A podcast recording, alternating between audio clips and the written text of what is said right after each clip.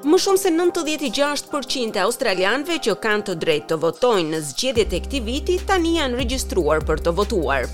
Në Australi votimi është i detyrueshëm dhe nëse nuk votohet, individi mund të gjobitet. Ndiqni informacionin në vazhdim.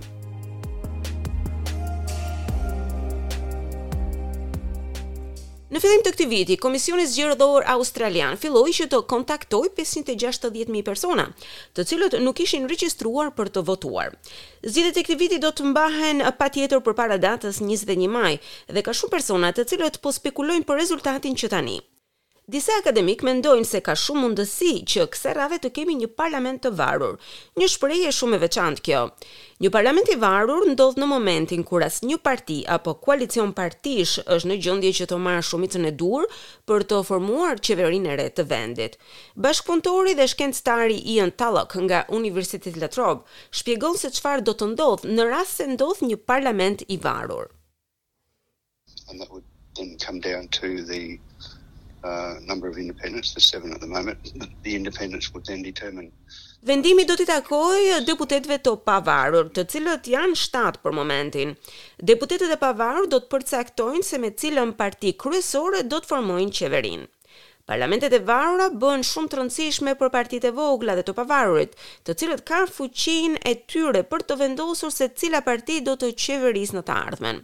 Profesor i asociuar i Universitetit Griffith, Paul Williams, thotë se një parlament i varur mbështetet në vendimin e partive të vogla. So a government, a party needs to collate 76 seats together. And ironically that's what Scott Morrison's Liberal National Coalition is sitting on. Për të formuar një qeveri të re në Australi, një partie i duhet të fitojë shtatëdhjetë e gjashtë vende në parlament. Është ironike në fakt sepse Morrison për momentin ka vetëm shtatëdhjetë e gjashtë vende dhe kësaj radhe partisë së tij do t'i duhet që të marrë më shumë vende për të qenë e sigurt në fitore. Ka shumë mundësi që kur të merrni fletën e votimit të ndiqni të gjitha udhëzimet në të. Kjo sepse është me rëndësi që ju të thoni fjalën tuaj. Vendimi juaj do të jetë domethënës në zgjedhjen e qeverisë së ardhshme. Nëse bëni një gabim, atëherë mund të kërkoni një fletë votimi tjetër. Komisioni Zgjedhor thotë se është e drejta dhe përgjegjësia e çdo qytetari që të votojë dhe një person që voton më shumë se një herë mund të ndëshkohet dhe me burg. Ndërkohë për ata persona të cilët dëshirojnë të dinë sa më shpejt që të jetë e mundur se cila parti do të ketë mundësi që të fitojë zgjedhjet e ardhshme, doktor Peter Chen nga Universiteti i Sidnit thotë se sondazhet mund të vijnë në ndihmë.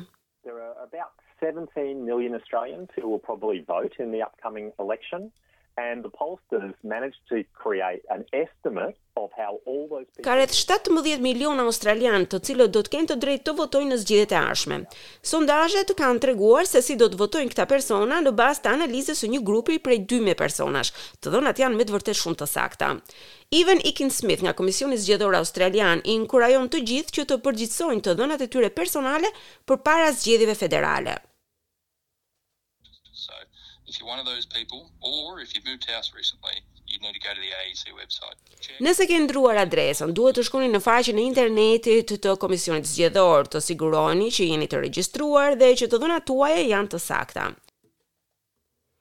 Komisioni Zgjedhor ka përgatitur informacione në gjuhë të huaja dhe në gjuhët indigjene për t'u siguruar që të gjithë votuesit ta kuptojnë sa më mirë procesin e votimit në këto zgjedhje.